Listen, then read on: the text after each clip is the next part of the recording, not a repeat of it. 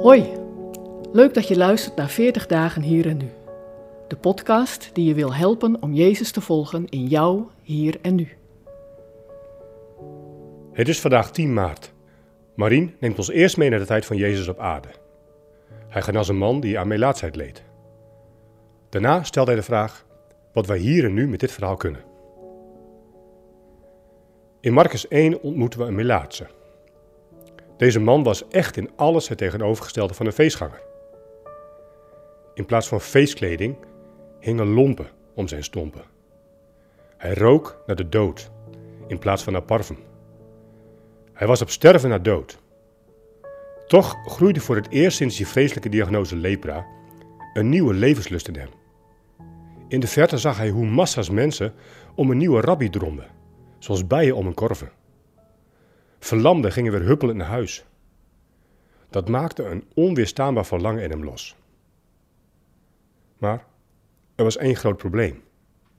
Die onoverbrugbare kloof tussen hem en deze rabbi.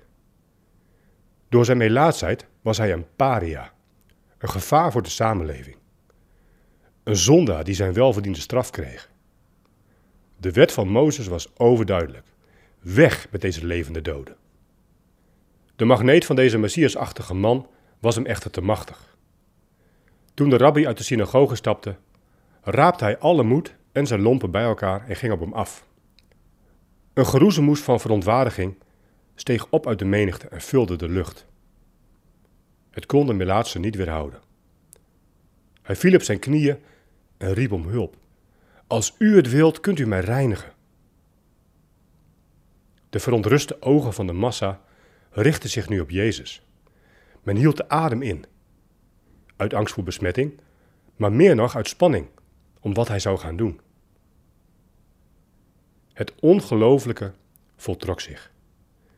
Jezus strekte zijn hand uit, gepaard met een oh van de omstanders. Raakte hem daarna aan, begeleid door een publiekelijk nee. En hij zei: Ik wil het. Word rein. Wat kunnen wij nu met dit prachtige verhaal? Onlangs sprak ik een man uit het Midden-Oosten. In zijn geboorteland was hij een gevierd restauranteigenaar, die dagelijks feestgangers over de vloer had. Hals over kop moest hij vluchten, vanwege zijn groeiende interesse in Jezus. Zijn vluchtverhaal wordt in Nederland niet geloofd.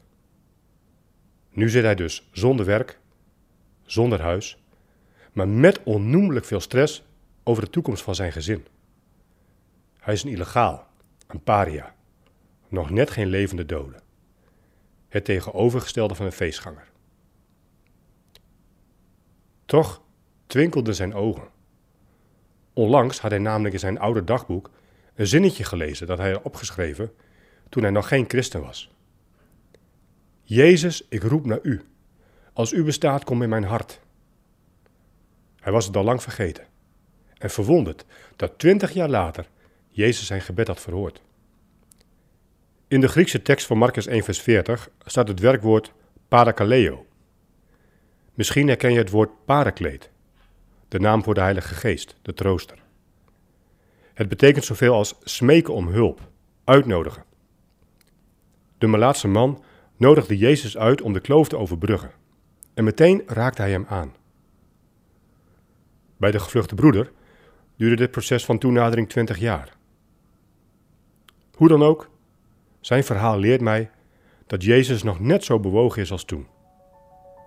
Met feestgangers en paria's. Met jou en met mij. Ik eindig met deze vraag.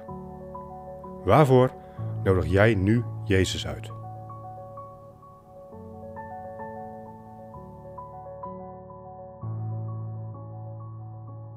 Wil je meer weten over deze podcastserie? Ga dan naar 40 dagen. Voor de Bijbelteksten in deze podcast gebruiken we de NBV 21 van het Nederlands en Vlaams Bijbelgenootschap.